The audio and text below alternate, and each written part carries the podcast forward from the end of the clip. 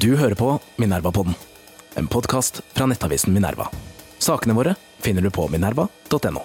Minerva-podden er en podkast fra avisen Minerva. Det er gratis å lytte til Minerva-podden, men det er ikke gratis å lage avisen. Hvis du vil støtte Minerva, kan du tegne abonnement ved å gå inn på minerva.no abonnement, eller du kan vippse oss penger for å vise at du setter pris på podkasten, til mediehuset Minerva. Velkommen som abonnent. Hei og velkommen til Minerva-podden. Mitt navn er Nils August Andresen. Jeg er ansvarlig redaktør i Minerva. Med meg i studio har jeg Karen Anna Eggen. Velkommen. Tusen hjertelig takk. Du er eh, forsker ved Institutt for forsvarsstudier, er det riktig å si? Det stemmer. Du eh, er også rikskjendis, eh, litt ufrivillig, på grunn av, fordi du er en av de, våre fremste eksperter på mange ting som har med Russland å gjøre. Det er kjendis, kanskje, da. Det kjendis. Ja. P2-kjendis, kaller det segmentkjendis. Ja, ja. Folk som er intelligente, de, de vet hvem du er. Og i dag skal vi snakke om eh, Russland, Ukraina og hva det har å si for, for Norge. Litt. Grann. Eh, Det er et langt lerret å bleke, men vi begynner eh, der det har skjedd noe nå akkurat i det siste. Og det er det triste nyheten om eh, at Navalnyj er død. Eh, Det er en slags anledning til å snakke litt om hva er status i Russland. Hva, hva er det som har skjedd? Hvorfor skjer dette nå? Hva er, det, eh, hva er Navalnyjs posisjon i Russland, og hvorfor har dette eh, Hvorfor har det vært nødvendig å få ham vekk? Det er et eh, godt og stort spørsmål. Eh, eller spørs, flere spørsmål her, da. Jeg tenker jo Status Russland nå er jo eh, Kan jo si en Naval, Drapet på Navalny er jo en forlengelse av en prosess. Eh, negativ prosess vi har sett i Russland i ja, de siste 20 årene, men som særlig har skutt fart etter eh, storinvasjonen 24.2.2022. Um, og det er jo at Russland tar stadig eh, stadige steg i mer totalitær retning. Putin har jo fjerna eh, det han anser som trusler eh, flere ganger opp gjennom historia. Det er journalister, det er aktivister, det er eh, menneskerettighetsforkjempere og politiske eh, opponenter. Og Navalny er jo kanskje særlig den siste kategorien, selv om han òg har drevet en god del aktivisme på korrupsjonsavdekkelse. Um, Hva, hva slags trussel utgjorde Navalnyj for, for Putin? Han satt jo i fengsel og har sittet der eh, siden 2021, etter å ha blitt forsøkt forgiftet uh, året før. Ja. Hva, hva, mm, I hvilken forstand tenker Putin på en person som ham som en trussel? Det er jo en trusselen om et annerledes Russland, først og fremst, tenker jeg. Uh, han representerte jo en stemme som mente at Russland har gode muligheter til å gå i en annen retning, en mer demokratisk retning, ikke minst. Og et Russland som ikke nødvendigvis må være knytta til Putin. Veldig mange ser jo på Russland og Putin som én og det samme. Eh, Så først og fremst det, trusselen om et, eh, et alternativ. Og det er Putin ikke kjent for å være særlig glad i. Det er jo interessant, det har slått meg litt av og til med, med Putin-regimet. at De har jo ofte mange som har dødd, i hvert fall. Det er ikke alltid vi kjenner omstendighetene. Vi kjenner jo ikke de helt nøyaktige omstendighetene bak Navalnyjs dødsfall heller. Men det er mange dødsfall. Nemtsov, Boris Nemtsov, som døde i 2011, ble skutt på åpen gate i 2015, Ja. er jo et tydelig eksempel. Palitkovskaja selvfølgelig noen år før det. Igjen litt uklare omstendigheter, uklare gjerningsmenn og sånn. Men eh, ingen av dem var jo en konkret, akutt trussel for Putin. Men det er som du sier, spesielt Nemtsov, da var jo en eh, et symbol for et annet Russland. Ja. Eh, og det Putin eh, er flink til, for å bruke et sånt ord, er å, å fjerne trusler før de blir trusler. At- Altså at han fjerner, for det er jo ikke sånn at Putin ville jo vunnet disse valgene, og at man hadde ikke trengt å gjøre dette på en måte, men, men eh, han tar dem før de får anledning til å manifestere seg. Hvis noe skulle skje, hvis Putin skulle bli mer upopulær, hvis konjunkturene skulle endre seg, plutselig kunne en lederskikkelse stå frem. Men det å holde opposisjonen uten lederskikkelser, splittet, svak, forvirret, det har vel vært en slags strategi, kanskje? Ja, han er jo ikke den første ja, dik diktatoren, hvis en skal bruke det ordet på Putin, som, eh, som har gjort det. Stalin er jo et godt eksempel òg. Og eh, så klart, det mest effektive er jo å fjerne potensielle trusler før eh, de rekker å få nok støtte, få bygd seg opp til å bli stor nok. Eh, Selv om Navalny kom jo sånn relativt sett, da, eh, innenfor rammene og for hva som er mulig i eh, et så undertrykt regime som Russland har blitt, eh, så klarer de å bygge opp en ganske stor organisasjon. Eh, den er jo så godt som utradert nå.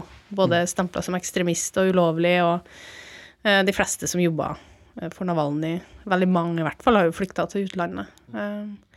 Eh, Så det er jo en Så ja, det er en, eh, det er en velkjent taktikk, det. Og så er det et dilemma selvfølgelig med russisk opposisjonen at hvis de flykter til utlandet, så blir de umiddelbart stemplet som utenlandske agenter og sånn. Det blir de jo for seg også. Navalny ble også stemplet som utenlandsk agent. Skulle, ja, det er ikke et krav å flytte utenlands. Nei, eh, men, men, men det, jeg tror det, i befolkningens øyne så kan det være lettere å delegitimere dem som ikke faktisk er der.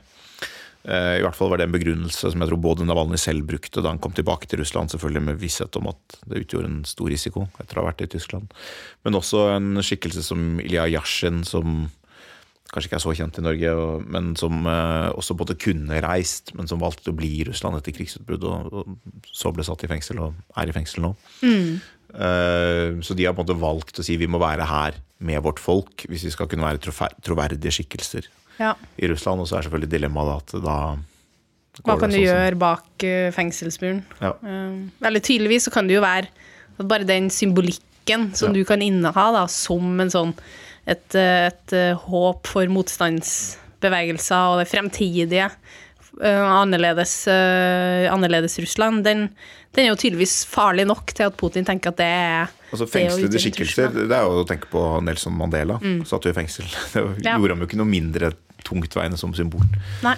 Men eh, altså, dette kommer nå eh, like før det russiske valget. Hva, hva tenker du om den eh, koblingen? Hvor, hvor relevant er den?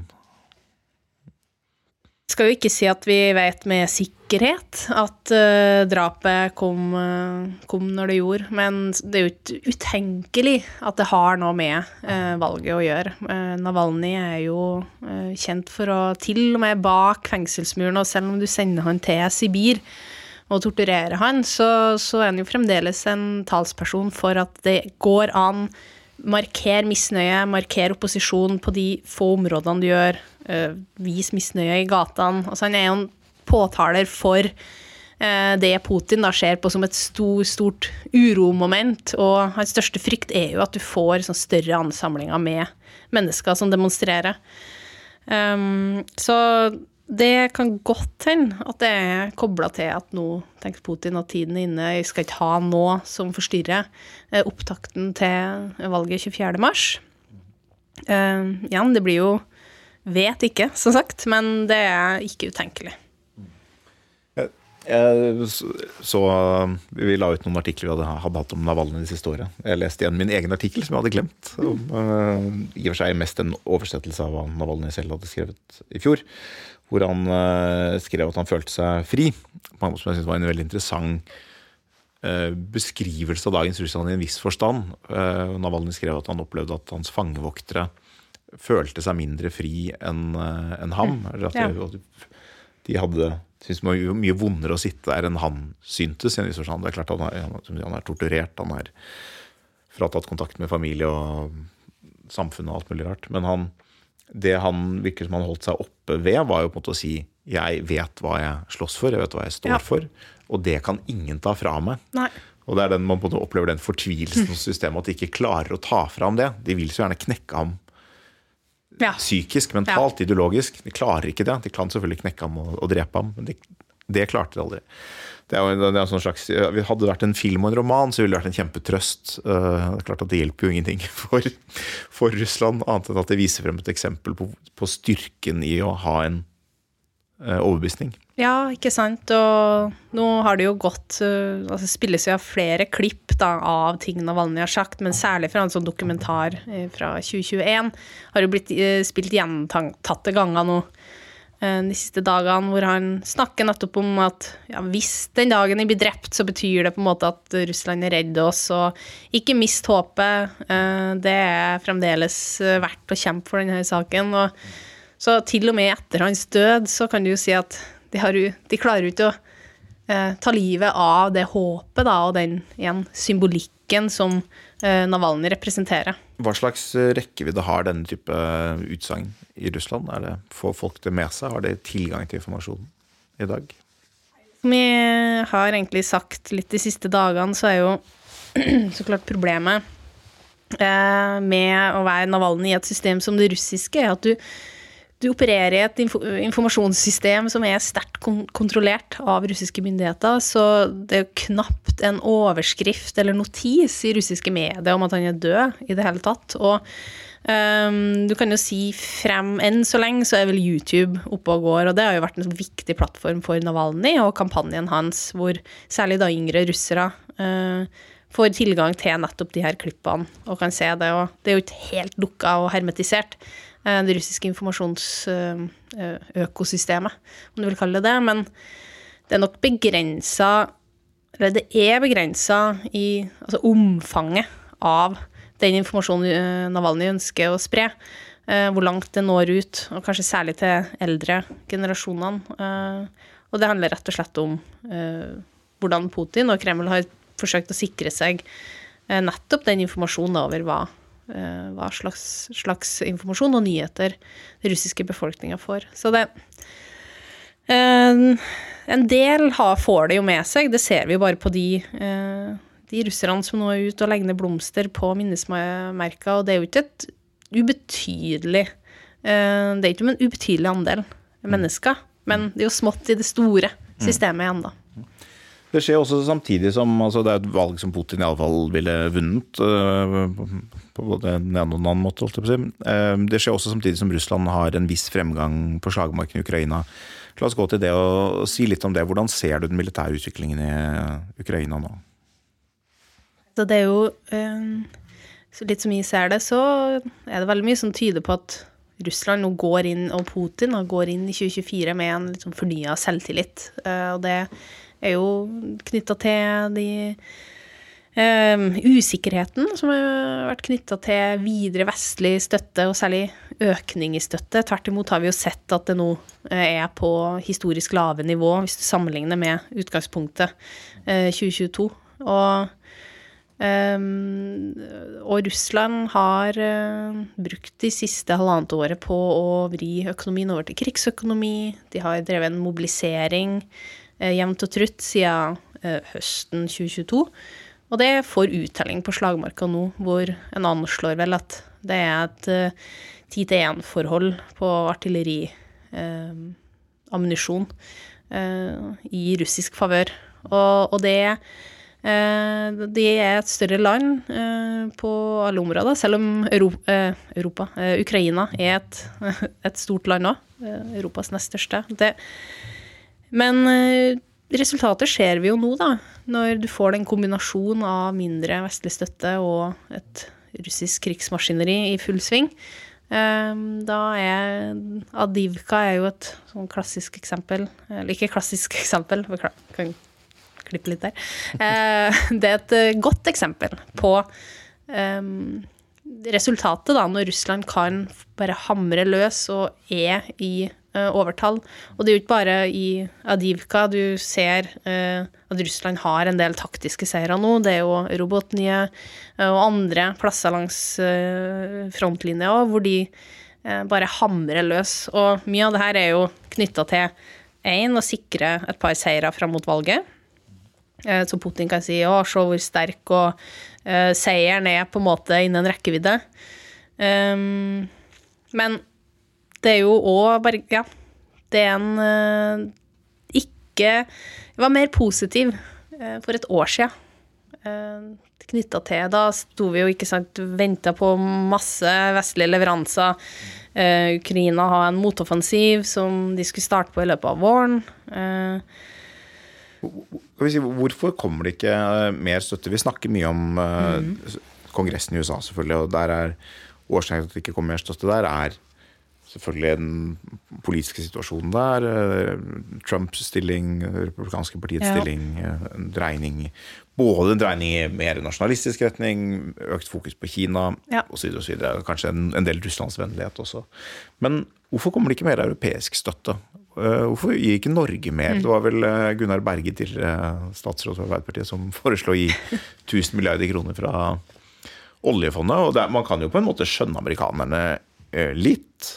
At hvorfor skal de nok en gang dra det tyngste lasset for en krig i Europa når Europa er sterkt nok, eller rikt nok, da, til å i hvert fall, kunne, i hvert fall til å kunne donere pengene om vi ikke har våpen og våpenindustrien. Hva, hvordan ser du det bildet på den amerikanske og den europeiske siden?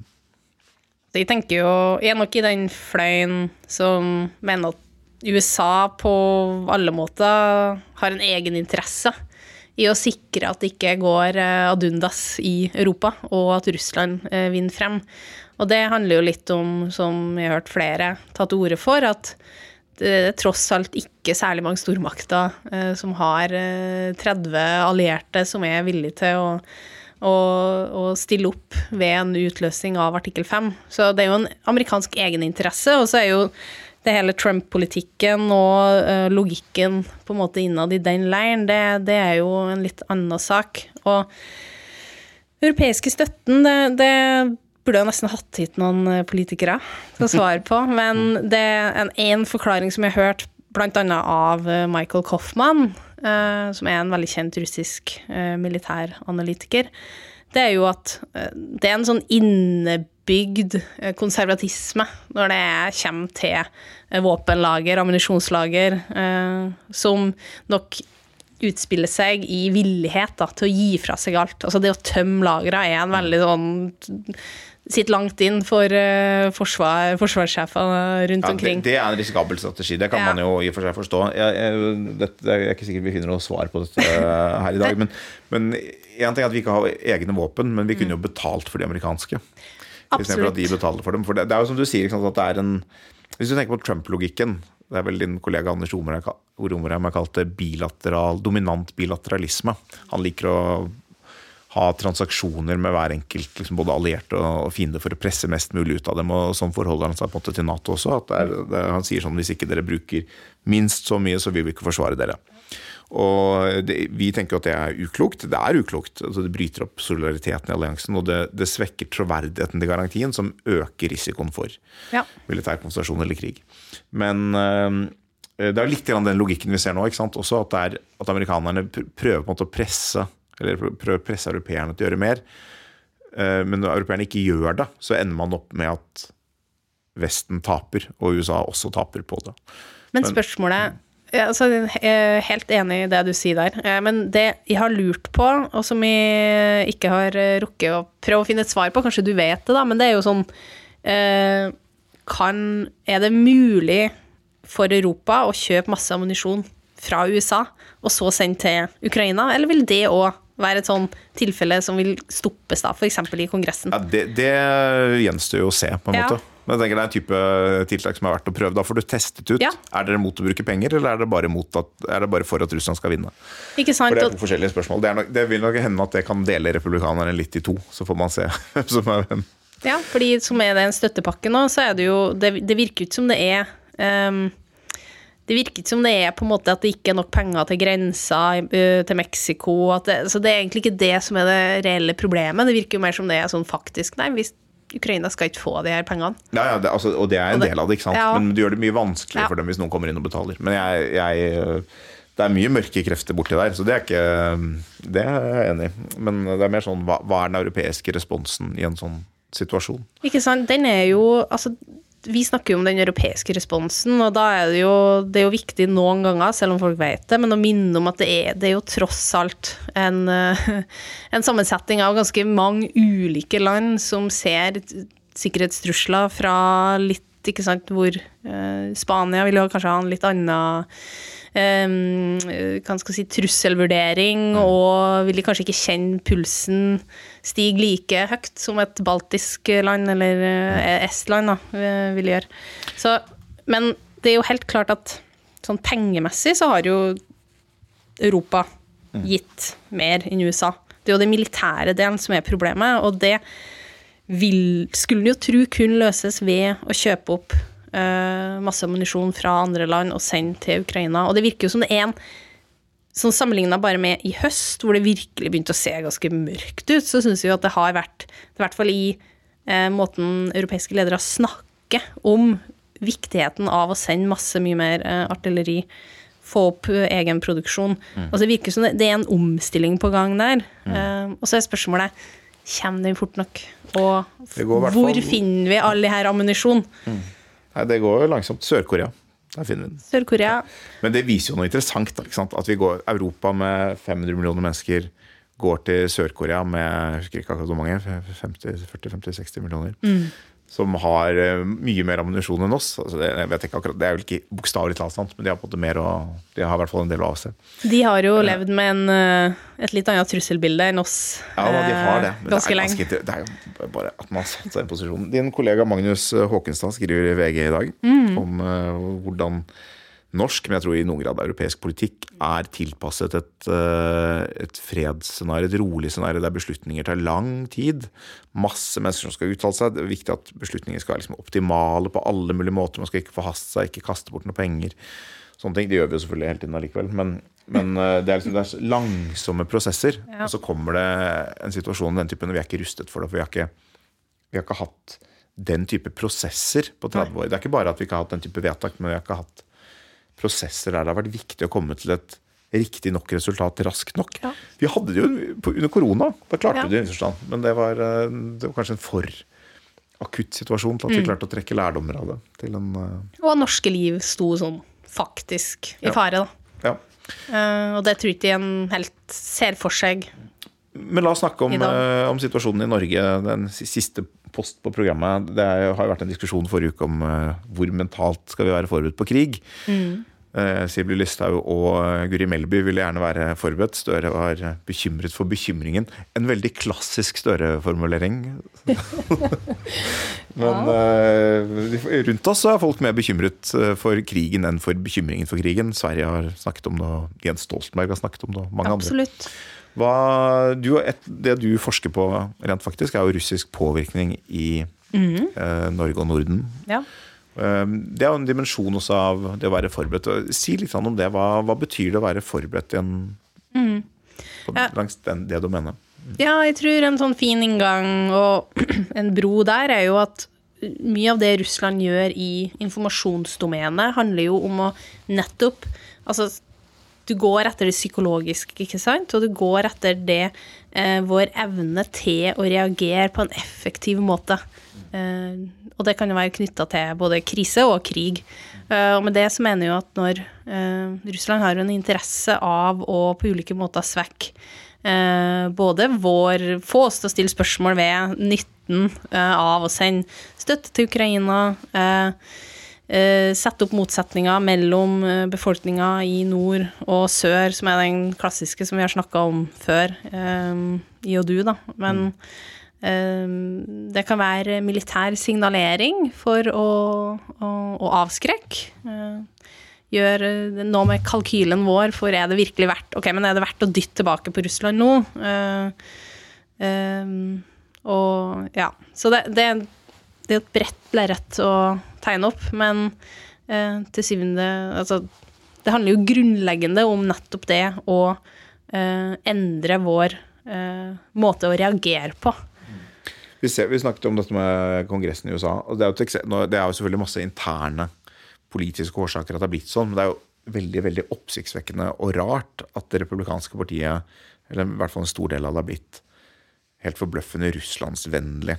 Én ting er liksom motviljen mot å bruke penger eller militære eventyr, og alt mulig rart, men en, eller annen fascinasjon for Putin og alt dette. og Det, det kan ha mange grunner. men én en grunn kan selvfølgelig også være at Russland har lykkes med en del type påvirkningsoperasjoner. Som vi vet at de har hatt tilbake til 2015 og selvfølgelig lenger enn det også. Men det er jo den grunnleggende russiske og sovjetiske eh, målsettingen med informasjonskrigføring i Vesten under hele den kalde krigen, var jo på en måte å splitte Nato. Mm. Og, og få Europa vekk fra USA og splitte denne alliansen for å bedre sitt eget handlingsrom i Europa. og, og og svekke USA. Du kan si Her kommer nettopp den amerikanske egeninteressen Ja, ja. inn. Gjøre USA da også eh, mer alene, eller uten allierte. Som ville gjøre det lettere for Russland og, eller Sovjetunionen å, å konfrontere dem andre steder. Og, og det er jo det som de paradoksalt om helt merkelig vis Etter at liksom, trusselen var borte, etter at Nato sto igjen suverent, så har de på en måte lykkes med å få til den merkelige splittelsen. Eh, og det er jo det det er jo også noe som spiller seg ut innad i Europa, hvor man klarer å splitte land ut fra Nato, som, en, som er en sånn konsensusorganisasjon som gjør det.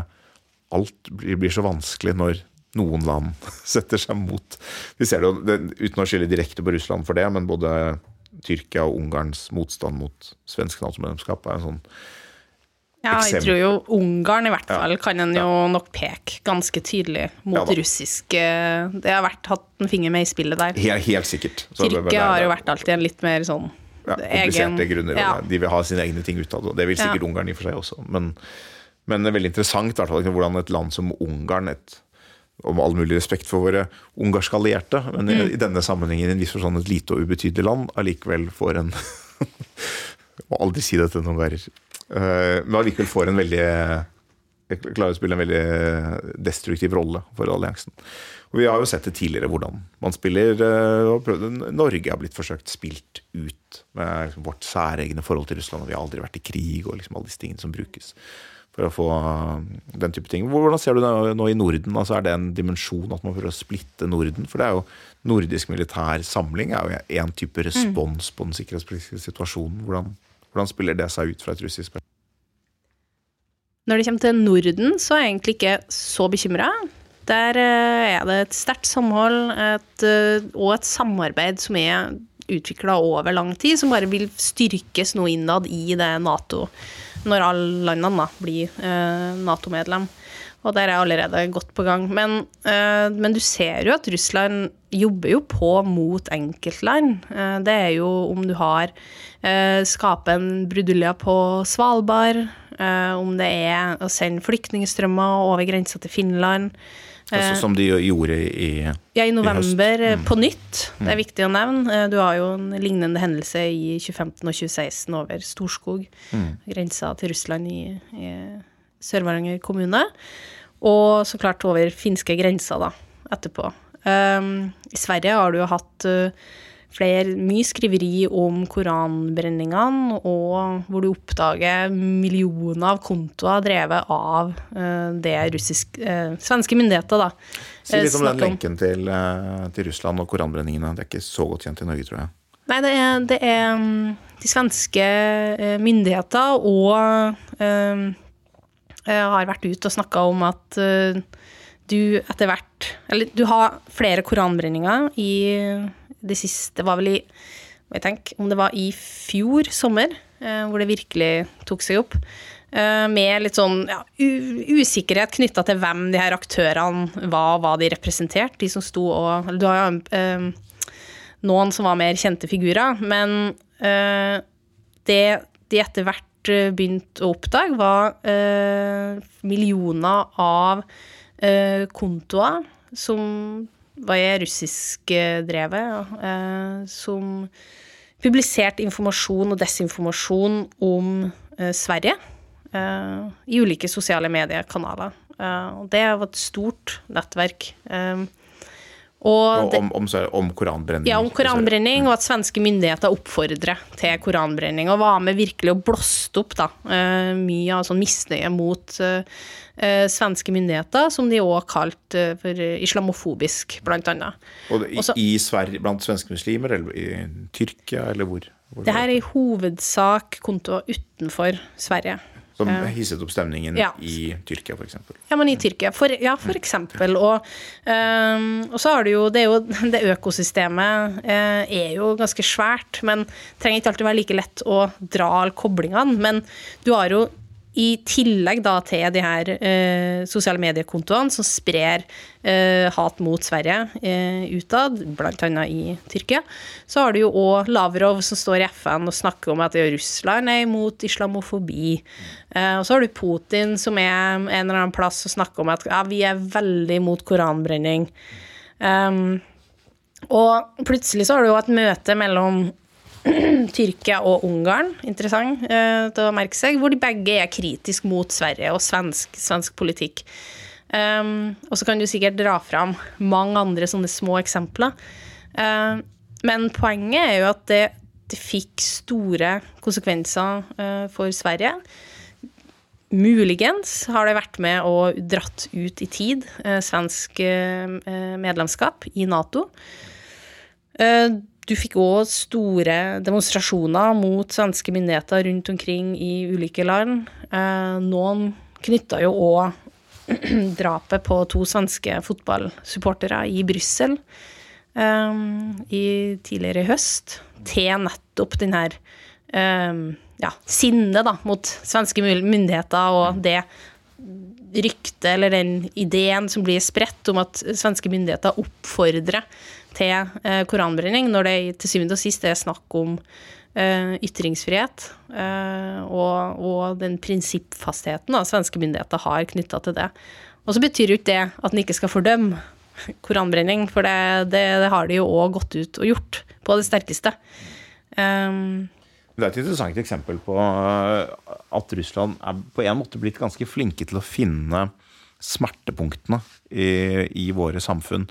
Og hva de kan brukes til. Mm. Fordi det, det, er jo en langvarig konflikt mellom ytringsfrihet og, og, og koranbrenning. Altså karikaturtegningen og mm. den er en langvarig konflikt. Ja. Og det spiller inn i en konfliktakse som handler om både innvandring, det flerkulturelle samfunnet, islam, muslimhat. Mm. mange ting som står på spill der. Mm. Og så klarer de å koble det på en konkret sikkerhetspolitisk situasjon knyttet til Tyrkia og ja. godkjennelse. Og det er jo som du, du sa, at våre samfunn i Norden er jo på én måte robuste overfor russisk påvirkning. Så jeg tror det er riktig i den forstand at det er veldig vanskelig for russiske aktører å operere åpent her uh, ja. med påvirkning. I den forstand da de, det store flertallet av befolkningen vil si vi vet at dere er en russisk kilde. Ja, vi, tar, vi, tolker informasjonen i det lyset. Mm. Men, men uh, innenfor de konfliktaksene som er veldig betente, og som er ganske fjernt fra Russland, i forstand, så er det mye lettere. Og det var jo litt det man lykkes med i USA også, at USA er et veldig veldig splittet samfunn. Så hvis du hater uh, det andre partiet mer enn du Både mer aktivt og mer uh, aktuelt og akutt enn ja. du er redd for Putin, ja. så er det lett å ikke bry seg om at dette er et informasjonspåvirkningsopplegg. Mm. Og det kan man jo si, det var, det var, på en måte ikke Russland som begynte å brenne Koranene. Det var jo Rasmus Paludan og jeg vet ikke hva som er hans kobling ja. til noe sted. Men, men uh, de som var veldig for at man skulle gjøre dette her, uh, de ville ikke bry seg om at det var om de eventuelt fikk litt drahjelp av Russland. Og de som er veldig imot det, ville jo ikke være noe mindre mot det selv om russiske trollkontor publiserte det. Så Nei, man er liksom flink til å finne en konflikt som faktisk er veldig potent, og så ja, bruke de, den. De, de, konfliktene vil jo være enklere å fyre opp, som mm. jo er et viktig poeng som du er innom uh, nettopp der. At det er jo ikke sånn at Russland er uh, mesterhjerne og står bak absolutt alt som skjer av konflikt og, og uenighet. Det, sånn er det jo ikke. Altså, i, i, samfunn som vårt så er det jo vanlig å krangle, og gjerne så busta fyk og innimellom, men det, det betyr ikke at vi, vi, eh, vi går ut av Nato eller eh, Altså, ikke sant? Det er, en, det er jo en forskjell der, og Russland står ikke bak alt, men de er veldig gode så klart, noen ganger så er det de som starter ting. Men de er òg veldig gode til å utnytte eksisterende konfliktlinjer og inn og se ok, hvordan kan vi på en måte være med og bygge opp under denne uenigheten, som da blir mest sannsynlig også så i, eh, i USA før valget i 2016, hvor du oppretter kontoer som er for eh, en kandidat, og kontoer som er mot en andre, annen kandidat eller et eller annet ståsted. Og så fyrer du opp på begge sidene nå er det en demonstrasjon og en motdemonstrasjon på den dagen. Kjør. Masse eh, bruduljer og, og, og, uenighet. Og jeg sier ikke at Norge er immun mot en sånn type påvirkning eh, men det er nå en gang sånn at eh, Da blir det jo enklere kanskje å snakke for liksom, Norge sin del mer konkret. at det, det, hjelper jo å ha en befolkning eh, med relativt høy tillit til eh, politiske Altså myndighetene eh, til liksom systemet som helhet, eh, til media. Eh, og da redaks, redaksjonsstyrte media. Og som kanskje er mer tilbøyelig Redaksjonsstyrte medier? Det er ikke noe redaksjon. redaktørstyrte medier. Redaksjonen må ikke få meg innflytelse, da går det jo rett i hunden. Sorry, redaktør. Nå sitter jo redakjonen min og hører på hva du sier, det er livsfarlig. Oppvigleri. Redaktørstyrte mm. eh, media. Eh, det, det, er viktig. Er viktig påpekning. Um, Nei, så, så, det er jo noen sånne ting som gjør at den er kanskje litt mer robust, og det er viktig å ha med òg, men på informasjon, Russiske informasjonsoperasjoner er jo mer enn bare på en måte, påvirkning i sosiale medier. Det er det er òg hvordan Russland kan spille på ø, religion på Svalbard og sette opp kors som, hvor du, du øh, helliggjør, da øh, Hva heter det Altså helliggjør russisk jord. Det ble Vigsle. Ja, du vigsler. Takk, takk, takk. Vigsle. hellig russisk jord.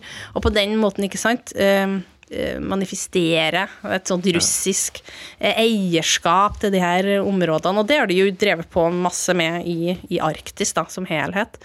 Eh, det kan være mer kulturbetinga og historisk, ikke minst, som vi har diskutert mye de siste Det er minnesmarkeringene og minnepolitikken. Ja, så, og det kan jo ses i sammenheng med ulike sånn DDoS-angrep. Uh, i kjølvannet av norsk sanksjonspolitikk, hvor du har sånne prorussiske hackergrupper som stenger ned stortings, eh, nettsida til Stortinget eller politiet, ulike statlige etater. Eh, med da et forsøk på f.eks. å ja, eh, svekke tilliten til at sånne ting fungerer, f.eks. i en krisesituasjon. Mens de legger ut en melding om at ja, det her er et motsvar til Eh, at Norge gir støtte til Ukraina og støtter eh, EU-sanksjonene. Eh, og så lirer de inn en sånn ja, Det her er et faktisk eksempel. Hvor de òg da lirer inn en melding om at norske myndigheter velger å prioritere ukrainsk, altså, ukrainsk støtte over på en måte behov til den norske befolkninga. Ja. Og så er det noe som kanskje den setningen finner gjenklang i nå Maria Saharova, eh, eh, russiske utenriksministeriets pressetalskvinne, sier si på en pressekonferanse, som hun jo faktisk òg gjør da ofte. Så kan det en fin gjenklang i nå Lavrov, altså den russiske utenriksministeren, si i en annen sammenheng. Altså det er en sånn Det henger jo sammen en del av det her det er klart at Jo dårligere det går på slagmarken i Ukraina, jo lettere er det på en måte å si at det er, eh, her kaster man bort penger og liv og, ja. og sånt. Så utføringen er jo Skal vi vende så vidt tilbake til det? altså Hva er, hva er si, håpet, eller, eller, kanskje mer realistisk, strategien? Hva er en rimelig og fornuftig vestlig strategi eh, nå? Hva, hvor kan denne krigen ende? Eh, hvor kan vi, hva slags type fred kan man få? Det var snakk om nå med den siste uke, hva slags tilknytning Ukraina kan få til Nato. Jeg husker jeg skrev veldig tidlig i konflikten i mars 2022 at det viktigste er ikke akkurat hvor grensene går. Jeg fikk en del kritikk for det, bl.a. av Michael Tetzschner. Eh, men det viktigste er ikke hvor grensene går, men at Ukraina har en garanti når krigen er slutt. Eh, hvor min tanke var at hvis det ikke er tilfellet, så Eh, så vil krigen fortsette, eller fornyes på et punkt, og så vil Moskva på et eller annet punkt sluke Ukraina. Enten geografisk eller i hvert fall politisk. Mm. Uh, og motargument mot det var selvfølgelig at enhver grenseendring er liksom en oppfordring til nye angrepskriger og en undergraving av FN-charteret. Mens min, mitt svar på det var at det, det, er jo selvfølgelig det beste, men det er ikke sikkert vi får det til. Og nå kan det se ut som det ikke er sikkert at vi får det til, men er det noe håp om at krigen kan slutte med noe annet enn en total russisk seier? Hvordan tenker du om det? Ja, absolutt. Altså, den, denne krigen trenger ikke å avsluttes med en total russisk seier. Og det, det tror jeg er kanskje det minst plausible scenarioet, egentlig. Ja, det er fint å få litt optimisme inn i debatten, da. Ja, men ja. Det det, det er, jeg, jeg, spør bare fordi det er der mediedekningen er nå. Ja. Nei, og, og um, du kan si at når det er sagt, så er det heller ikke sånn at uh, um, hvis du ser på hva som gjøres akkurat nå, og uh, det er veldig store usikkerheter knytta til uh, størrelser og hurtighet i vestlig støtte til Ukraina, så er vi per i dag heller ikke nær en total ukrainsk seier, som personlig, i personlig mener er det aller beste vi kan gjøre for, en, for å sikre da, kanskje en langsiktig europeisk fred. Um, og det Det er jeg helt enig ja, ja, ja. Nei, og den, den um, Og det handler litt om Og et viktig poeng der er ikke sant, at du, du, får, det er viktig at, tror jeg, at Russland slås i Ukraina av Ukraina.